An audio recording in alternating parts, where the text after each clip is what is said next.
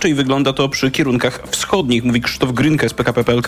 Z kierunku wschodniego będą kończyć na stacji Warszawa Wschodnia wybrane relacje, wybrane pociągi z kierunku e, Dęblina, z kierunku Solejówka, z kierunku Mińska Mazowieckiego czy Siedlec będą dojeżdżać do stacji, do przystanku Warszawa Stadion. Zmiany dotyczą też pociągów SKM i WKD. Zmieniony rozkład jazdy ma obowiązywać planowo do 2 września, ale przewoźnicy apelują, by sprawdzać na bieżąco rozkłady i przystanki pociągów. Dokłady utrudnienia m.in. na stronach PKP. Szymon Kępka, TOK FM. Słuchasz informacji TOK FM. Konkurs na pamiętniki inflacyjne rozstrzygnięty. Naukowcy z SGH i Instytutu Socjologii PAN chcieli wiedzieć, jak nam się żyje w czasie kryzysu i wysokiej inflacji. Pamiętniki i ich formuła były bardzo różnorodne. To m.in. opowieści z ironią i czarnym humorem, w tym z memami. Przewija się w nich choćby postać prezesa NBP, mówi jeden z jurorów, socjolog profesor Paweł Kubicki. Jest gwiazdą opowieści o inflacji. Nie jest to specjalnie przychylna opinia, ale trudno powiedzieć, dlaczego miałaby być, biorąc pod uwagę, że raczej postrzegam go na osobę, która jest oderwana od ich problemów i życia codziennego, co jest zresztą faktem przy jego zarobkach. Jest opowieść rodziny, w której urodziło się dziecko i całą wyprawkę skompletowano z rzeczy używanych. Są historie oszczędzania m.in. poprzez hodowanie kur czy założenie ogródka. Sporo jest również o zwierzętach, które są ważne dla autorów pamiętników. Duża część pamiętników jest o tym, jak strasznie drogie jest utrzymanie zwierząt, zwłaszcza starzejących się i chorych że ktoś musi, zastanawia się nad oddaniem zwierzęcia, że ktoś absolutnie nie odda zwierzęcia, ale właśnie stracił ostatnie 300 zł, które mu zostało i które było na przeżycie, ponieważ musiał pójść do weterynarza. Naukowcy, którzy stworzyli konkurs, chcą, by w przyszłości móc pamiętniki wydać, bo byłaby to, zwłaszcza dla władzy, niezwykle pouczająca lektura. Pogoda. Dziś przeważnie słonecznie, a na termometrach maksymalnie 22 stopnie w Trójmieście, 24 w Lublinie i Krakowie, 25 w Białymstoku, Łodzi, Poznaniu i Katowicach, 26 w Warszawie, Toruniu, Szczecinie i Wrocławiu. Radio TOK FM. Pierwsze radio informacyjne. Nagłe zastępstwo.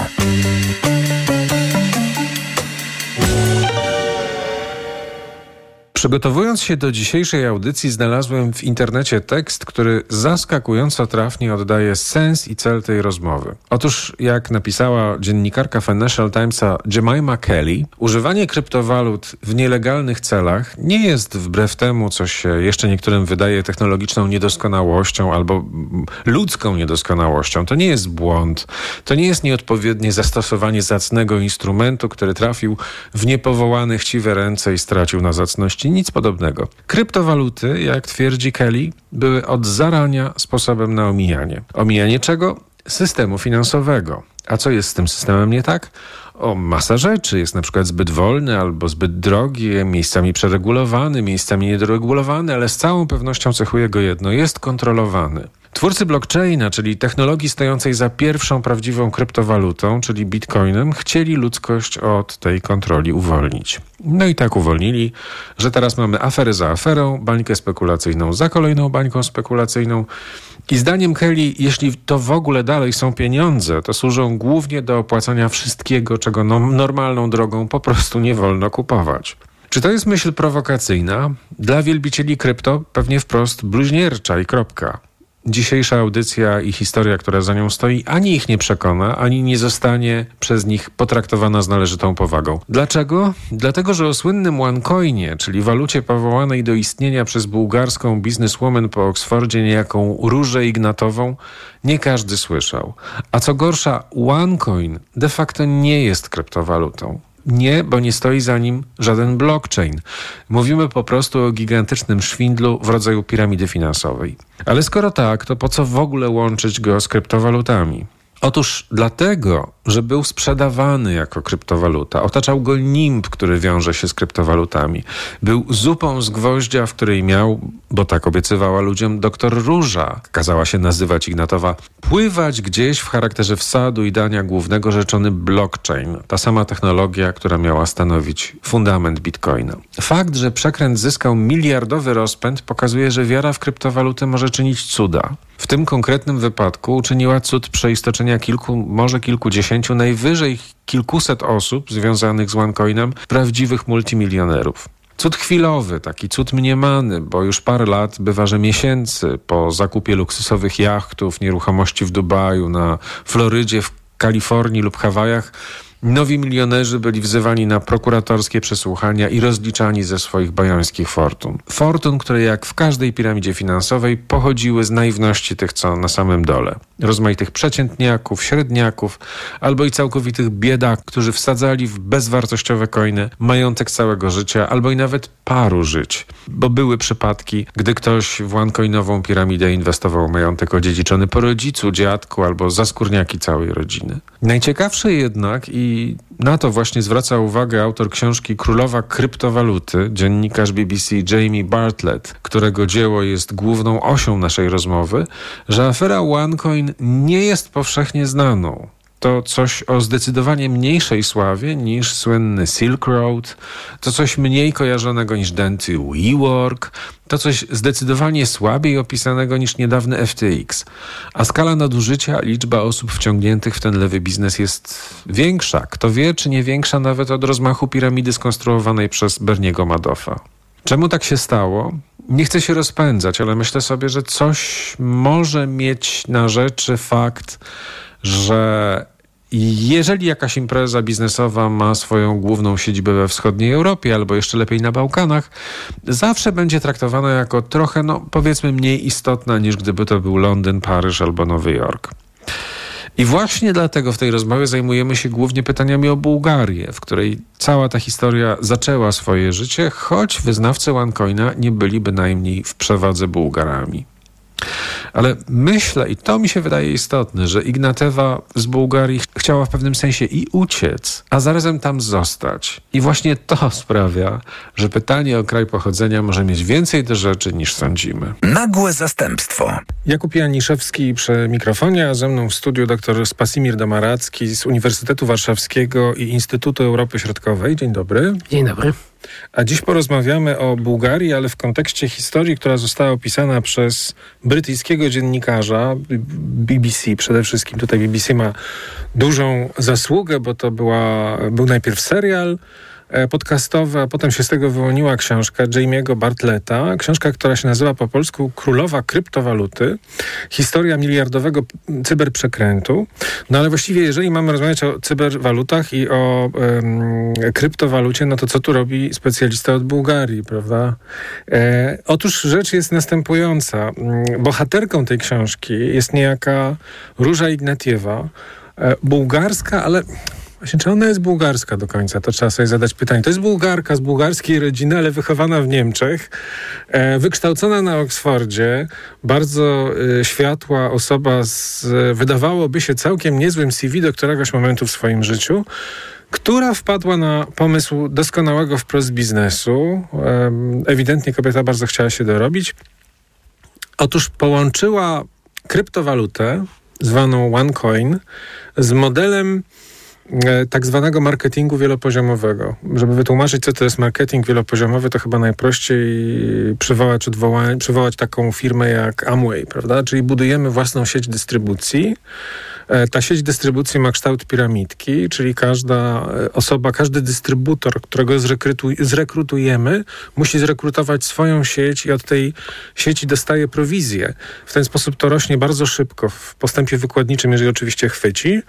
E, no i wszystko zależy od tego, co sprzedajemy. Ale to, co sprzedajemy, jest w gruncie rzeczy gdzieś drugorzędne, bo w marketingu wielopoziomowym chodzi o pewną obietnicę. Chodzi o to, żeby ludzie uwierzyli, że ta sprzedaż to jest właściwie jakiś lepszy nowy świat. To nie jest jest nawet kwestia tego, czy Amway sprzedaje świetne proszki czyszczące, czy Oriflame jest doskonałym, e, czy to są doskonałe kosmetyki. To chodzi o to, żeby uwierzyć w jakiegoś rodzaju model, nawet powiedziałbym chyba kulturowy, czy jakąś zmianę cywilizacyjną, którą, której stajemy się głosicielami. Takie trochę parareligijne to jest. E, I to chyba nie jest żadne nadużycie porównywanie marketingu wielopoziomowego do religii.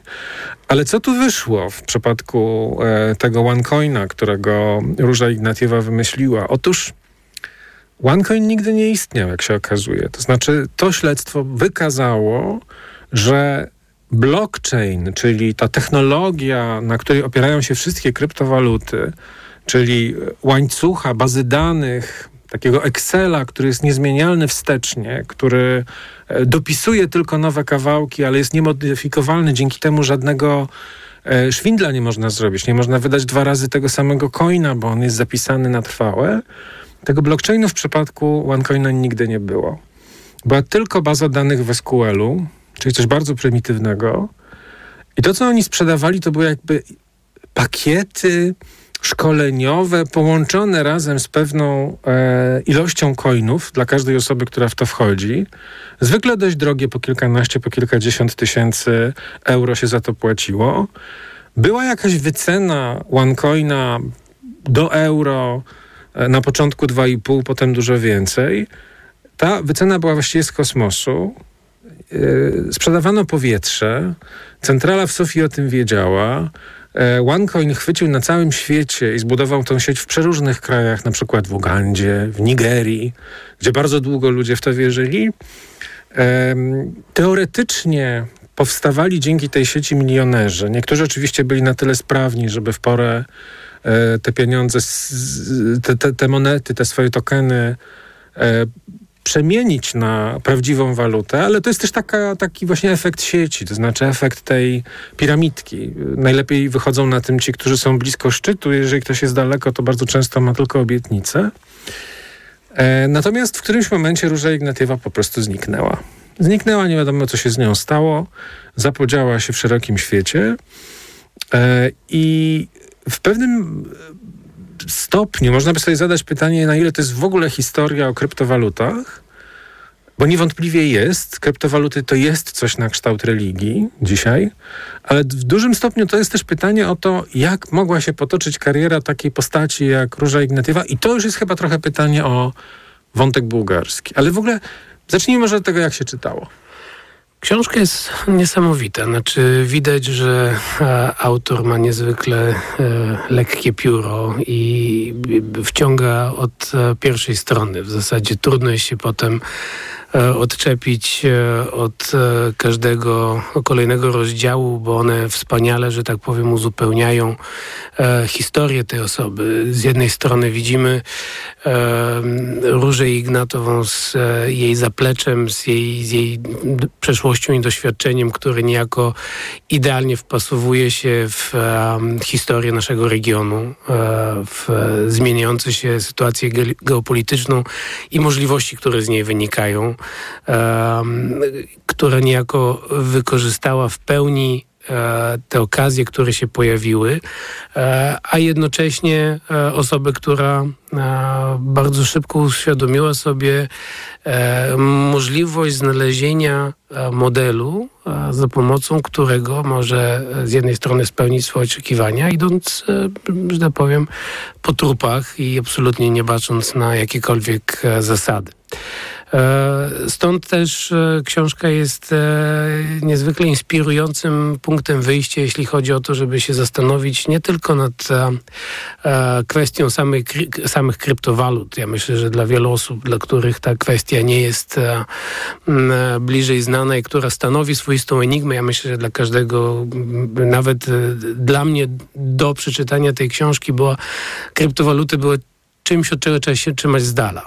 W tym sensie, że albo, albo rozumiesz tego filozofię i jesteś w stanie e, zrozumieć, jaki jest sens i co za tym się kryje, albo lepiej się trzymać z dala, bo to no, może po tej być... książce to jeszcze bardziej można tak, tak, bo tak ale, ale właśnie na tym, ja, myślę, że tak dosyć przewrotnie, wbrew pozorom, ta książka e, jest niezwykle dobrym źródłem edukacji o tym, że logika samej kryptowaluty nie jest tak przerażająca, jak e, właśnie brak wiedzy dotyczący kryptowaluty i e, mm, połączenie tego, co Ignatowej się udało, czyli ludzkiego marzenia, takiego dążenia do szybkiego wzbogacenia się, do ucieczki od swojej rzeczywistości, wiary w to, że istnieją modele, które mogą pozwolić ci być cwańszym, lepszym, szybszym od reszty, e, z, z, z niewiedzą dotyczącą e, możliwości, które dzisiaj e, stwarza, że tak powiem, zglobalizowany, zinternetyzowany rzeczywistość, w której funkcjonujemy. Ja myślę, że paradoksalnie po tej lekturze dla mnie niejako koncepcja bitcoina jest o wiele mniej przerażająca niż to, jak bardzo można wykorzystać niewiedzę wynikającą z, z, z, z tego, czym są kryptowaluty. Z tego, czym są kryptowaluty, tak. To niewątpliwie, aczkolwiek muszę powiedzieć, że ostatnio, mm, kiedy pojawiły się kolejne problemy z kolejną giełdą kryptowalut, czyli w tym wypadku akurat z Binance, jak czytałem Financial Timesa, który to opisywał, to tam już się pojawił taki tekst e, autorki, która się zresztą zajmuje kryptowalutami tak e, no, na co dzień, można powiedzieć, która już powiedziała, Czyli to już, myślę, że to zaczyna się utwierdzać, jakoś tak umacniać takie przekonanie, że kryptowaluty jednak mają w sobie zapisany ten element, um, może nie złodziejski, ale tego, że to jest świetne narzędzie do omijania rozmaitych, um, rozmaite instytucje kontrolne. I że siłą rzeczy to nie jest taka przypadkowa cecha, tylko to jest splecione gdzieś z e, półświadkiem i z przestępczością niestety. E, I Bitcoin też. To znaczy, to coraz wyraźniej widać. Zresztą nie wiem, czy pan widział takiego newsa właśnie o Bułgarii, która e, lat temu parę zarekwirowała bodajże, że mnie pomylił, 215 tysięcy bitcoinów. Wtedy to było pół miliarda euro, a teraz to są jakieś gigantyczne po prostu miliardy, tylko nie wiadomo, czy to Bułgaria dalej ma, czy to już może spieniężyła, czy ktoś na tym łapę położył. W każdym razie, gdyby było to w dalej posiadaniu państwa, to właściwie spłaciliby z tego cały dług publiczny, jeszcze by im zostało. Więc to są takie paradoksy, które pokazują i troszeczkę ta, ta książka o tym jest, chociaż bardzo delikatnie. Znaczy, to nie jest tak, że Jamie Bartlett buduje w nas takie przekonanie, że z Bułgarami jest coś nie tak. Przeciwnie, on bardzo stara się tego uciec. Myślę, że to jest taka książka po współczesnemu pisaniu napisana, kiedy nie chcemy nikogo urazić. On sobie zaledwie raz pozwala na takie zdanie w całej książce. Raz jest jedno zdanie, y, gdzie, że, gdzie, gdzie on stwierdza, że Bułgaria jest najbardziej skorumpowanym krajem Unii Europejskiej. Natomiast cała reszta to jest raczej podkreślanie, nie, nie, to nie jest tak, że to jest jakiś bułgarski przekręt, bo tam przecież i Niemcy przy tym pracowali, i Szwedzi, i w ogóle bardzo międzynarodowe towarzystwo, to prawda. E, I to miało i siedzibę w Londynie, i siedzibę w Sofii, ta centrala była w Sofii, więc on na każdym kroku stara się, by uciec od tego przekonania, że coś z tymi Bułgarami jest nie tak. Ale ja właśnie o to chciał pana zapytać. Czy ma pan poczucie, czytając tę książkę, jako specjalista od tego kraju, że jest coś właśnie z ducha Bułgarii w całej tej historii. Czyli jakby trochę odsuwamy na bok te lęki, że kogoś e, no, zmieszamy z jakimś nieprzyjemnym procederem.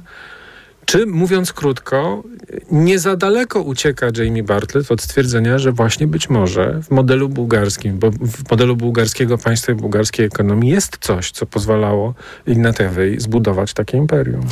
E, to jest, że tak powiem, takie trudne pytanie. Mm, rzeczywiście w pierwszej kolejności należy jednoznacznie podkreślić, że jest to model, który został stworzony, że tak powiem, znaczy on jest kwintesencją współczesnego zglobalizowanego świata, że, że to jest coś, co po prostu jest możliwe, dlatego że nie ma granic, tak. dlatego że e, ludzka zachłanność jest e, obecna na wszystkich szerokościach geograficznych, że e, każdy, a internet jest każdy, wszędzie. A internet jest wszędzie, każdy szuka możliwości, każdy szuka coś nowego i co więcej, powiedziałbym, każdy im bardziej ubogi tym bardziej ma nadzieję, że znajdzie tą złotą rybkę, która go wyprowadzi z tego ubóstwa. Choć co prawda e, akurat w książce bardzo ładnie autor rozkłada ciężar, jeśli chodzi o to, kto jest wciągany w to, tak od Ugandy przez Stany Zjednoczone, e, ale oczywiście podkreślają, że są części świata, gdzie to są bardziej chwytliwe narracje niż inne, w których, że tak powiem, ludzie z pewnym większym dystansem podchodzą do tego. To są te, no to... te części biedniejsze i mniej wykształcone. Tutaj ten wątek afrykański jest bardzo mocno podbity też pokazany jest jako no, taki okrutny już e, przejaw e, chciwości, dlatego że do któregoś momentu rzeczywiście można było powiedzieć, ludzie, którzy się zaangażowali w cały ten schemat sprzedawania OneCoina, nie wiedzieli, co tam tak na dobrą sprawę jest. Wiedziała Róża i wiedziały może ze dwie osoby obok niej. Natomiast od któregoś momentu to już było jednak dla kierownictwa jasne, że oni sprzedają powietrze, ale sprzedawali je dalej. Sprzedawali je właśnie w Afryce, właśnie w takich krajach jak Uganda, Nigeria, tam był szał. Chciałbym zwrócić uwagę na jedną rzecz. Siedziba OneCoina już trochę zmienionej nazwie do dzisiaj funkcjonuje w Sofii. To jest, to jest, to jest paradoks, e, który jest niesamowity. E, nie ukrywam, że tak sobie pomyślałem, że jak tylko będę w Bułgarii, to muszę Zajrzę. tam pójść. Tak, muszę tam pójść, dowiedzieć się, co tam jest sprzedawane, co się, dlaczego ta siedziba istnieje. Ale wracając do, do, do wydaje mi się, podstawowego pytania.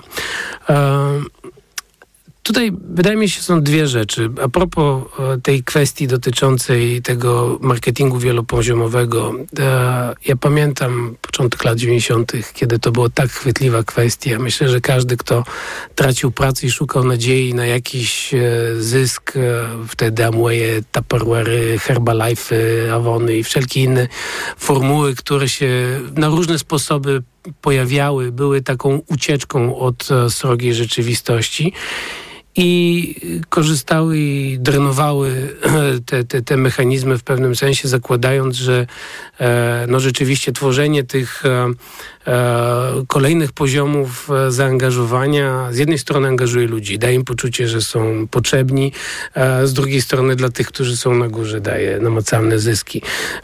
Każdy, kto miał okazję kiedyś pojechać do Stanów Zjednoczonych może zobaczyć, że tak powiem, osoby na szczycie Amwaya co dokonały, ile, ile bogactwa zgromadziły, w związku z czym, że tak powiem, zawsze mamy pewne wątpliwości dotyczące ety, e, etyki czy moralności związanej z tym, ale jednocześnie jest to mechanizm, który gdzieś tam zawsze na krawędzi e, prawa, ale w jakiś sposób funkcjonuje. Natomiast ten konkretny mechanizm jest fenomenalny właśnie w tym, e, co pan redaktor powiedział, że on w swojej istocie sprzedawał nic sprzedawał powietrze, e, przekonując ludzi, że kupują coś, e, unikając wszelkie mechanizmy które próbują regulować e, rynek, wprowadzają jakieś zasady etyczne, moralne i prawne przez sprzedawanie z jednej strony pakietów edukacyjnych, a z drugiej strony no tak naprawdę w ramach nich obietnicy, że kiedyś coś się stanie pieniądzem,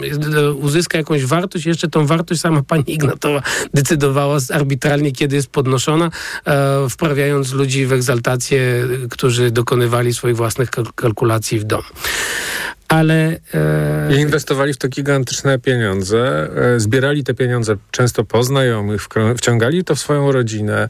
To były często oszczędności całego życia, to były spadki, to była jakieś po prostu e, no jakaś wielka kasa na, na, na możliwości tych ludzi, bardzo często decydująca o ich dobrobycie przyszłości, przyszłości ich, przyszłości ich dzieci. To wszystko lądowało w tych cyfrowych portfelach, w których były jakieś coiny, ale nikt nie wiedział, czy za tym stoi jakakolwiek technologia. Wszyscy zakładali, że stoi ta sama, która stoi za bitcoinem, tylko że w przypadku bitcoina akurat wszyscy wiemy, że możemy ten. Um, tak zwany blockchain ściągnąć na swój komputer i będziemy wiedzieli, jak te transakcje się tam zapisują i dopisują, jak powstają kolejne bloki. To jest dość skomplikowane, nie ma co tego teraz tłumaczyć, ale zarazem proste. To znaczy dostęp do tej technologii ma każdy. Ona jest oczywiście e, zaszyfrowana, no bo to jest sedno sprawy, ale my wiemy, że to działa. To realnie istnieje. Natomiast w przypadku e, OneCoina problem był taki, że na stronie internetowej tej waluty, e, całego tego przedsięwzięcia, było takie okienko, które miało prezentować kolejne transakcje, czyli coś dokładnie, coś, co, co, co przy Bitcoinie też symuluje, istnieje. Tak, symuluje mechanizm, tak, który... tylko że właśnie to była symulacja, to była po prostu animacja. To było coś, co nie miało żadnego pokrycia w faktach. Znaczy te przelewy, które wyświetlało to okienko, to był jakiś program graficzny, który po prostu takie rzeczy wyrzucał, a nie żaden zapis realnych transakcji co w którymś momencie zostało wyciągnięte przez, i to też jest bardzo interesujące, ponieważ Jamie Bartlett, który jest tutaj dziennikarzem, tak na dobrą sprawę już bazuje na pewnej pracy dziennikarskiej, takiego dziennikarstwa oddolnego, ludzi, którzy po prostu patrzyli na całą tą historię, interesowali się kryptowalutami, interesowali się marketingiem wielopoziomowym i usiłowali dojść do sedna, sprawdzić, co się za tym kryje, co się kryje za tym szaleństwem związanym z OneCoinem. No i oni w gruncie rzeczy jako pierwsi wiedzieli, że to jest po prostu duży schemat Ponciego, że to jest po prostu piramida finansowa, o której jeszcze nie wspomnieliśmy. Nie, nie padło to określenie w tej naszej rozmowie, a to jest ważne, prawda? Bo zwłaszcza jeżeli mówimy o Bałkanach. No przecież był taki okres, zdaje się Albania Albanii, jest najlepszym tak, przypadkiem, tak, tak. prawda? Kiedy piramidy finansowe zatrzęsły finansami. Wojnę, dom, wojnę domową doprowadziło. No właśnie. Tak. E, ja tutaj dwie rzeczy wydaje mi się, że musimy e, podkreślić i cały czas ta Bułgaria nam zostaje w tle, więc wrócimy do niej, ale żeby, wydaje mi się, że żeby zrozumieć, dlaczego ten mechanizm, który ostatecznie doprowadził do tego, że dzisiaj mówi się o, o skradzionych ponad 4 miliardach euro a tak na dobrą sprawę nikt nie wie, ile tego tak, jest. nikt nie to wie, jest pewien tego szacunek Tak, to jest pewien szacunek wynikający z zobowiązań, które do tej pory gdzieś tam wynikają, ale tego, co, co zostało wtopione, nikt nie jest w stanie e, doliczyć. nawet e, tak doliczyć. Natomiast e, w pierwszej kolejności kwintesencją tego jest mechanizm chciwości, bym powiedział. Ten, to, tą formułę, którą Róża wymyśliła razem e, z, ze swoim e, kolegą e, po, po fachu, Sebastianem, Sebastianem Greenwoodem, e, gdzie e, w, w, pierwszej kolejności... Dla, dla mnie to jest, to jest niesamowite, że e, to jest tak bardzo zachęcające, szczególnie dla tych, którzy pierwsi się zaczepią do, do, do, do tej piramidy. 10% od sprzedaży bezpośredniej. E, czyli cokolwiek sprzedasz, 10% trafia do ciebie. A niech pan zwróci uwagę, e... Bernie Madoff też na, na 10% bazował. To też było to 10% przesławne, prawda? Czyli jakby wy, wypłacę ci 10% od twojej kwoty rocznego dochodu, rocznego zysku. To, tak. Czyli niby dużo, a zarazem nie aż tak, żeby człowiek nie uwierzył, prawda? To się wydaje jeszcze w ramach jakiegoś takiego tak, do zaakceptowania, profitu, prawda? Tak. Taki zysk jest możliwy. Dlaczego nie? Tak. To jest 10%. Tak, jest tak, dużo, tak, jednocześnie mało. Ale 10% też dla, dla promotorów od wszystkich sprzedaży poniżej nich, więc e, im wyżej jesteś, to i rzeczywiście jak człowiek się zastanowi w ciągu w tych latach 2014-2017, kiedy tam ten mechanizm funkcjonował pełną parą, to pieniądze, o których, o, o których e, e, Bartlett mówi, to, to jest nieprawdopodobne. Strumienie, które płynęły do wszystkich tych, którzy byli na, na, na czubku tej e, piramidy. Oprócz tego e, prowizje, które były wypłacane w sposób, który zabezpieczał tak naprawdę tych na górze, że nigdy nie będą stratni. 60% niby w gotówce, 40% w nic nie wartych powietrzu, czyli coinach. Tak. Ludzie gromadzili coiny, myśląc, że to jest tak jak bitcoiny, więc one tak. kiedyś rzeczywiście dokonają też tej e, samej ekspansji. Ale to, to, to, jest, to jest ten, ten fenomen, wydaje mi się, współczesnej zachłanności. Natomiast teraz to drugie pytanie, które wydaje mi się niezwykle istotne, chyba dla którego też przede wszystkim jestem tutaj, dotyczącego tej Bułgarii i fenomenu, w którym się znajdujemy. Ja mm, jestem e, Mam swoją interpretację bułgarskiej historii w ciągu ostatnich 30 lat i cały czas stoję na stanowisku, że mm, e, brak e, prawdziwej transformacji ustrojowej. Powiedziałbym, dokonanie transformacji ustrojowej w modelu moskiewskim, w którym to komuniści powiedzieli koniec komunizmu i nigdy tak naprawdę nie nastąpiło rzeczywiste uświadomienie sobie e, zmiany systemu, tylko zmiana jego fasady, jego jego nazwy. Trochę jak e, w przypadku tego OneCoina, że my, mm. tworzymy pewną fasadę, rzucamy te elementy, które są niezbędne, żebyś miał poczucie, e, e, że jesteś w świecie Bitcoina, ale w swojej istocie nie jesteś w świecie. W ogóle nigdy nie byłeś nawet blisko świata. Czyli OneCoin jako, znaczy demokracja w systemie bułgarskim jako OneCoin. Tak, demokracja jako OneCoin doprowadziła do sytuacji, w której ludzie pokroju ignatowej mogli zaistnieć w pewnym sensie państwo porwane, w którym mechanizmy państwowe są przesiąknięte strukturami nieformalnymi, a co gorsza, e, przestępczość zorganizowana odgrywa, odgrywa kluczową rolę. Ja myślę, że żeby to zrozumieć i tu oczywiście e, najlepszym przykładem tego jest głowa ryby, czyli Bojko Borisow.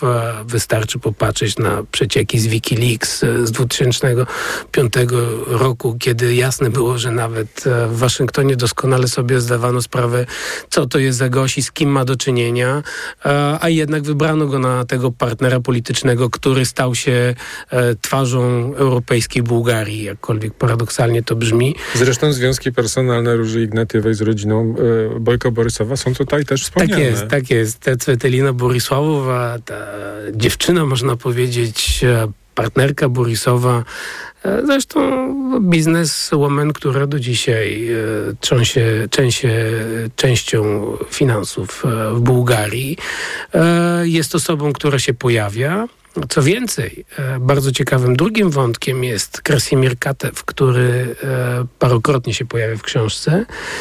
Facet, który był utożsamiany jako jeden z tych młodych wykształconych na Zachodzie, którym razem z e, Milenem Wełczewem powrócił do Bułgarii e, wraz e, z byłym carem, a potem premierem Simionem Saksko-Burgockim i który potem, jak się okazuje, był nieustannie na jej eventach. Pojawiał się tu i ówdzie, więc nie sposób, a późniejsze losy Ignatowej, w, w kontekście e, powiązania z e, Christoforem Amanitidisem, znanego jako taki, jednego z najbardziej rozpoznawalnych międzynarodowych e, handlarzy narkotykami, wyraźnie pokazują, że jakby te trzy osoby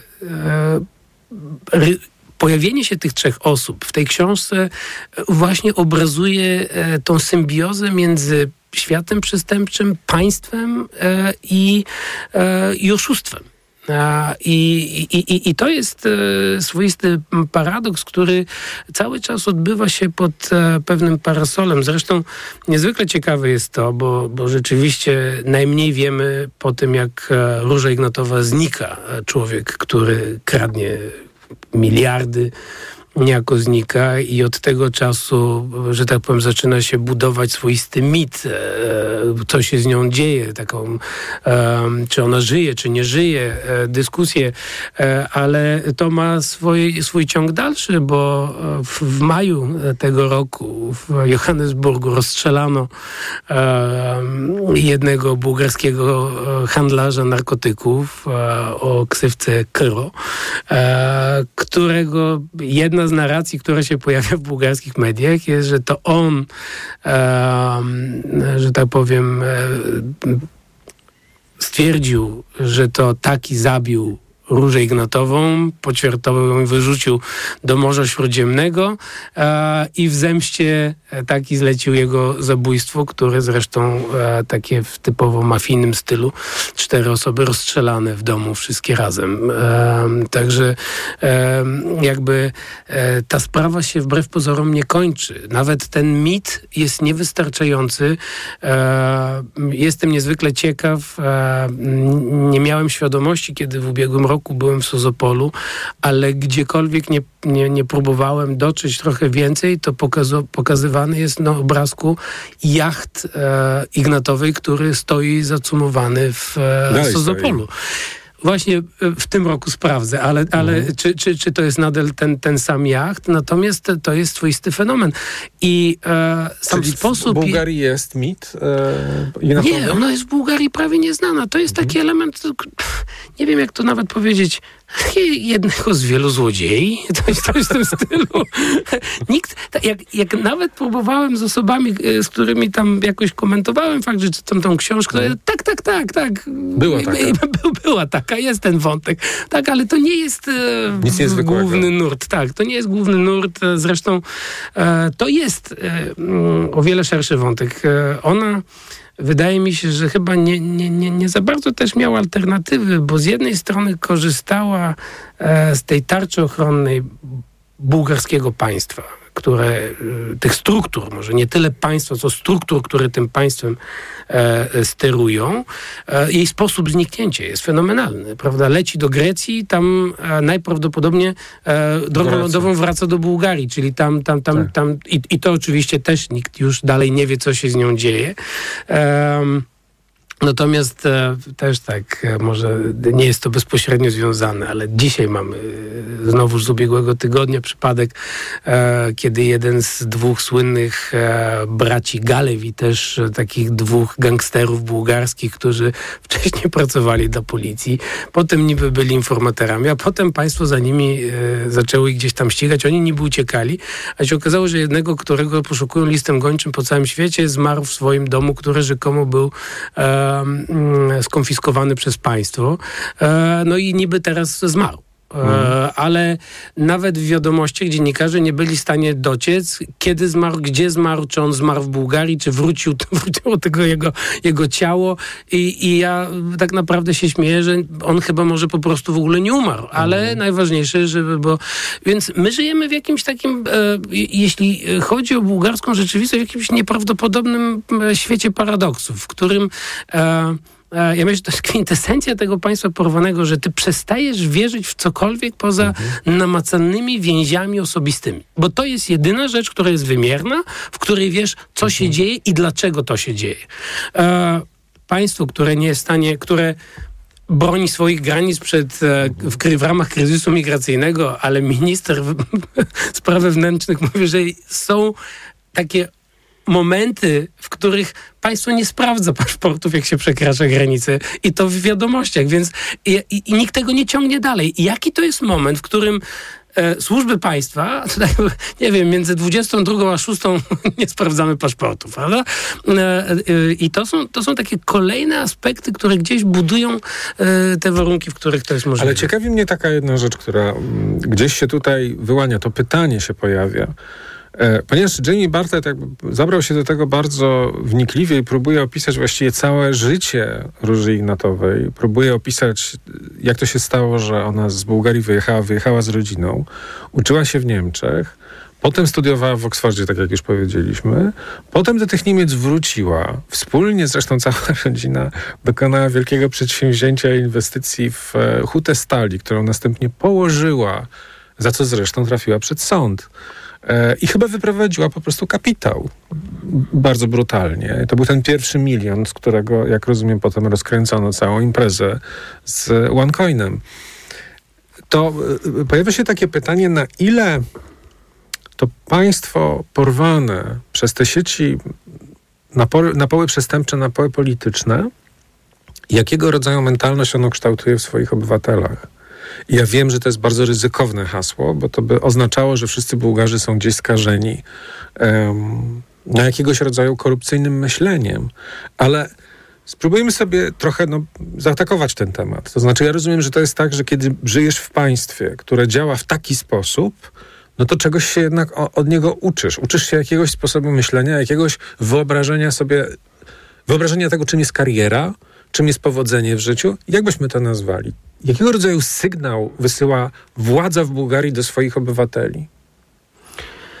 Ja wydaje mi się, że to nawet nie jest e, chyba e, świadomy sygnał, tylko to jest e, e, pewien zbiór okoliczności, z których ty jako jednostka wyciągasz wnioski. Wyciągasz, czytasz kod i sobie zdaję sprawę. Ja myślę, że to najlepiej widać po bułgarskiej demografii.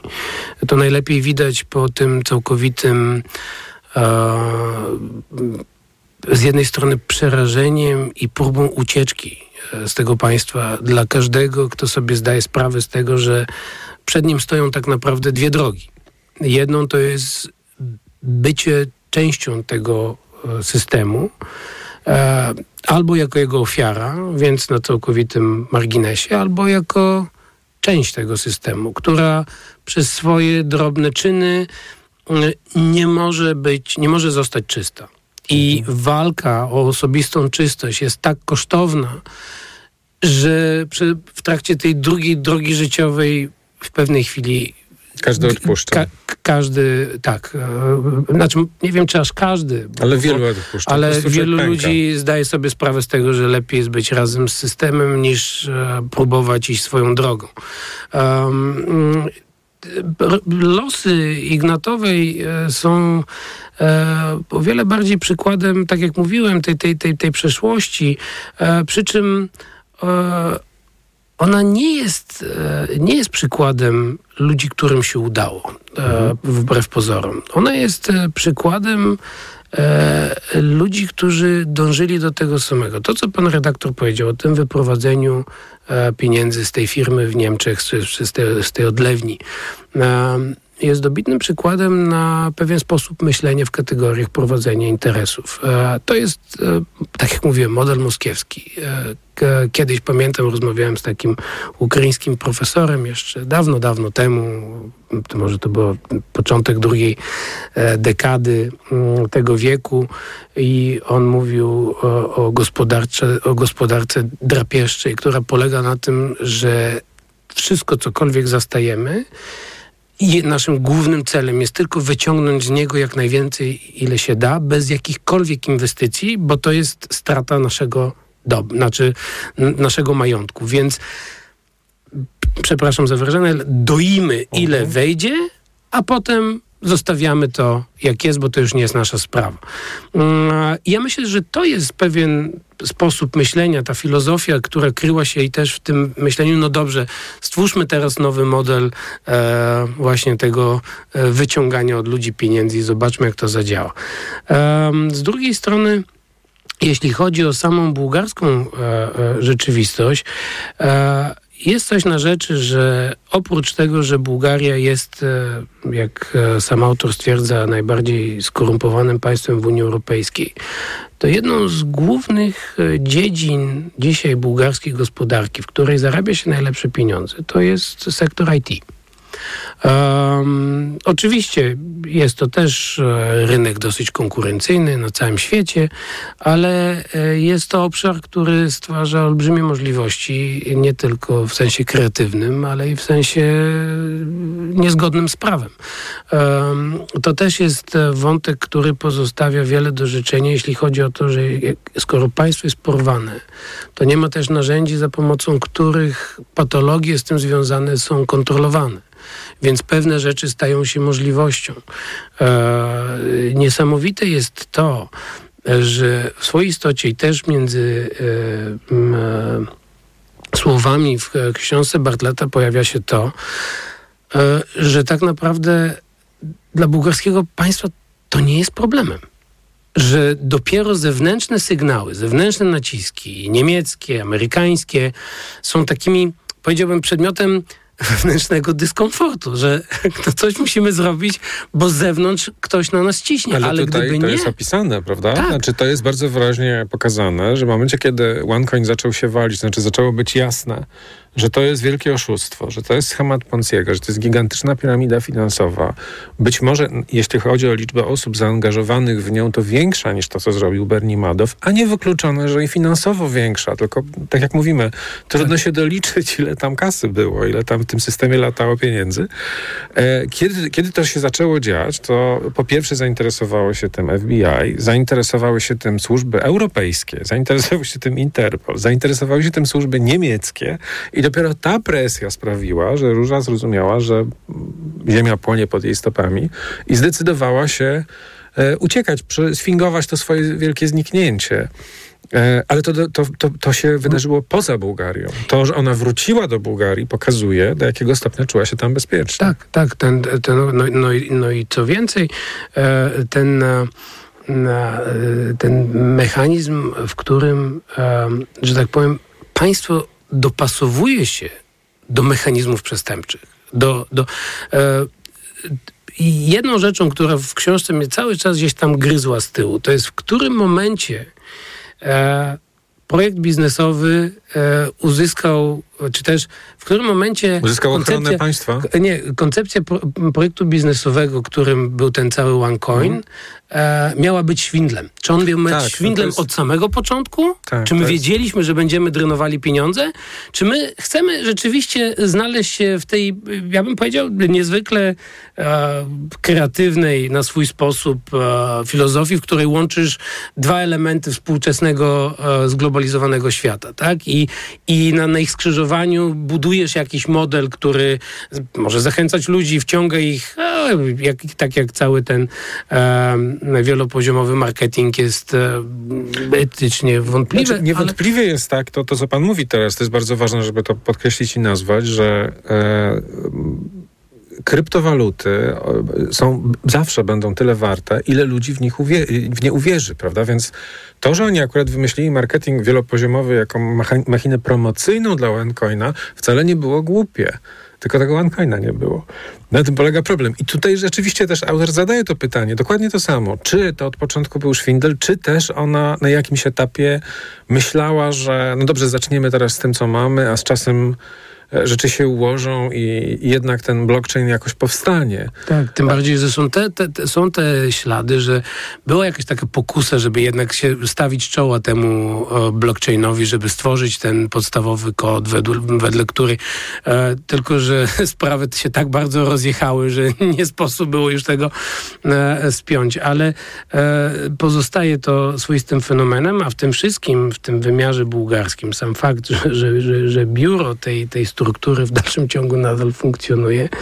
Wydaje mi się, że wiele mówi o tym, e, jak bardzo zagmatwana jest e, rzeczywistość, w której e, funkcjonuje Bułgaria, nawet jako członek Unii Europejskiej. Ale ciekawi mnie jedna rzecz, to znaczy w którym momencie, kiedy zakładam startup w Bułgarii, w Sofii, w którym momencie zaczyna się ten czas, kiedy ja muszę, czy może od początku muszę to kal wkalkulować jakby w koszta, tę, tę tak zwaną rentę korupcyjną. To znaczy to, że ja się muszę wkupić w ten system polityczno ekonomiczno-przestępczy, który tam działa, tak, żeby uzyskać jego ochronę, żeby go nie rozdrażnić, żeby nikt mi tego nie zabrał, żeby nikt nie uznał mnie jako zagrożenie i nie postanowił mnie zniszczyć albo po prostu to prze, przejąć. Ciekawi mnie, jak to się dzieje. Znaczy, na czym polega taka próba? Powiedzieliśmy, że to jest próba nieudana, że ona w gruncie rzeczy poniosła klęskę. Nie jest sławą Róża Ignatowa, nie jest synonimem sukcesu, nie jest nowym Zuckerbergiem, jest nikim, jest, jest jest uciekinierką, jest osobą, która nie wiadomo, czy żyje, czy nie. Najprawdopodobniej żyje. Może nawet i ma miliardy, ale musi się bardzo liczyć z tym, że ktoś się kiedyś dopadnie. Tu jest parę scenariuszy na koniec, które autorzy przed nami rysują. Co ona może robić ewentualnie, gdzie się może chować, ale to już mniejsza z tym. Więc bardzo mnie ciekawi właśnie to. Znaczy, kiedy planujesz swoją karierę i masz wielkie ambicje, tak jak rzeczona róża, w którym momencie musisz się zacząć komunikować e, jako no, taki zgrabny elemencik tej układanki politycznej. Wie pan, coś co pamiętam z e, lat 90., nie wiem na ile do dzisiaj to jest nadal aktualne, ale wtedy było takie hasło w Bułgarii, że oni sami przyjdą.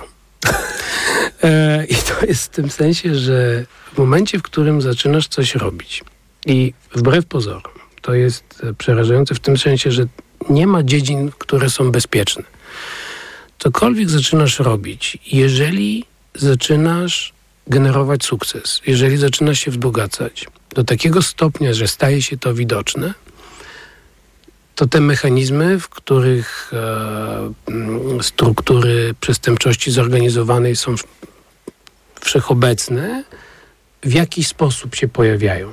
One zaczynają cię drążyć.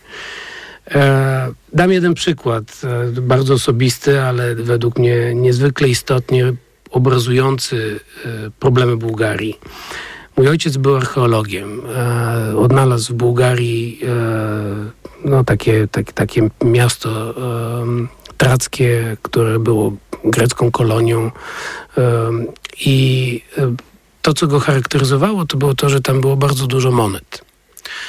Monety ze starożytności, e, z antyczności przede wszystkim mają bardzo różne wartości. Były takie, które były siekane częściej, więc były, są tańsze na rynku, ale są też takie, które, no jedna moneta może kosztować 10 tysięcy dolarów na, na, na, na rynku numizmatycznym. I pewnego popołudnia jechaliśmy na te wykopaliska e, i mój ojciec patrzy, że jakieś głowy biegają po wykopaliskach, one były takim na lekkim wzgórzu. Nas było trzech, ja wtedy miałem 13 lat. I byli to e, poszukiwacze skarbów, którzy jak archeolodzy schodzili, to oni przychodzili, żeby znaleźć. E, oczywiście mieli dwa razy lepszy sprzęt e, i e, e wyskoczyliśmy, dobiegliśmy i potem w trakcie rozmowy mojego taty, bo my ich złapaliśmy, znaczy mój tata i ten drugi mężczyzna, który był z nim, ich złapali. oni potem rozmawiali. E, i e, mój ojciec ich zapytał, kto was wysłał?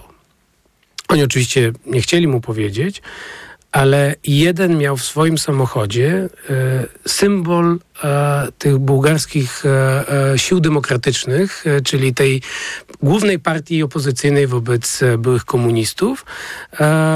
I następnie, żeby się chronić, wiadomo, że, było, że nie by było ochrona z policji, ale pracownicy wykopali każde popołudnie zakopywali w e, e, folię e, po papierosach, żeby piszczała tak jak monety, żeby zniechęcić kolejnych złodziei. Natomiast ci nigdy nie zostali ukarani. I tutaj jeden wątek ostatni chyba, który się pojawia, to jest Dubaj. Mm. E, e, dzisiaj e, Dubaj jest taką mekką chyba e, bułgarskiej przestępczości. Tam między innymi się ukrywa słynny bułgarski oligarcha o ksywce Czaszka e, który e, przez 30 lat e, był szefem, e, znaczy kontrolował cały, cały przemysł kasyn i gier hasardowych. I kiedy Bułgaria weszła do Unii Europejskiej, to jego kolekcja e, nielegalnie zdobytych artefaktów e, z wszystkich, e, z bułgarskich ziem, która podobno jest szacowana między 600 a 700 milionów euro, była pokazywana w Brukseli jako przykład bułgarskiego dziedzictwa. Więc rozmawiamy o państwie, w którym tak mocno te struktury są ze sobą przesiąknięte, że w swojej istocie wydaje mi się, że zachodnia formuła na Bułgarię jest taka, którą zresztą widzimy na co dzień, że my akceptujemy e, tą rzeczywistość pod warunkiem, że mamy e, stabilność, która nie oddziaływuje negatywnie na resztę Zachodu. E, z tym, że ta formuła jest najbardziej krzywdząca dla samych Bułgarów.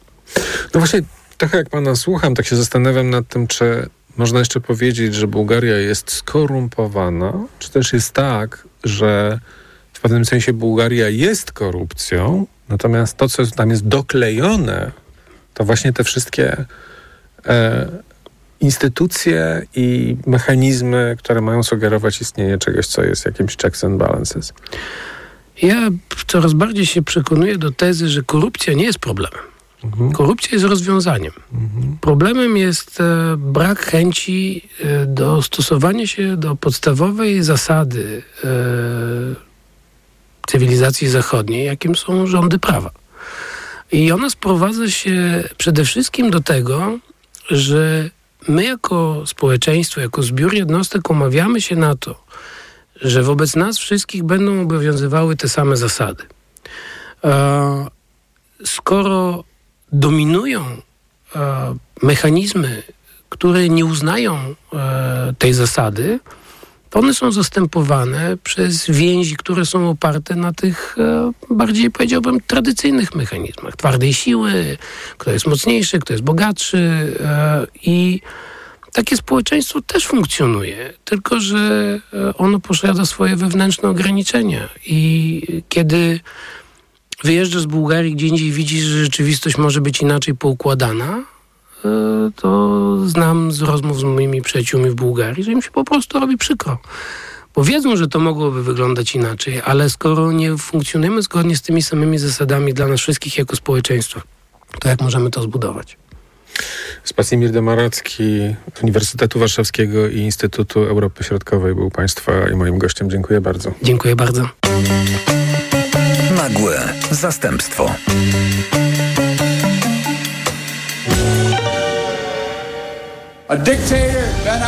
Dyktator, który chce odbudować imperium, nigdy nie będzie w stanie wygrać z zamiłowaniem ludzi do wolności. Brutalność nie zwycięży z wolą wolnych ludzi. Ukraina nigdy nie będzie zwycięstwem Rosji.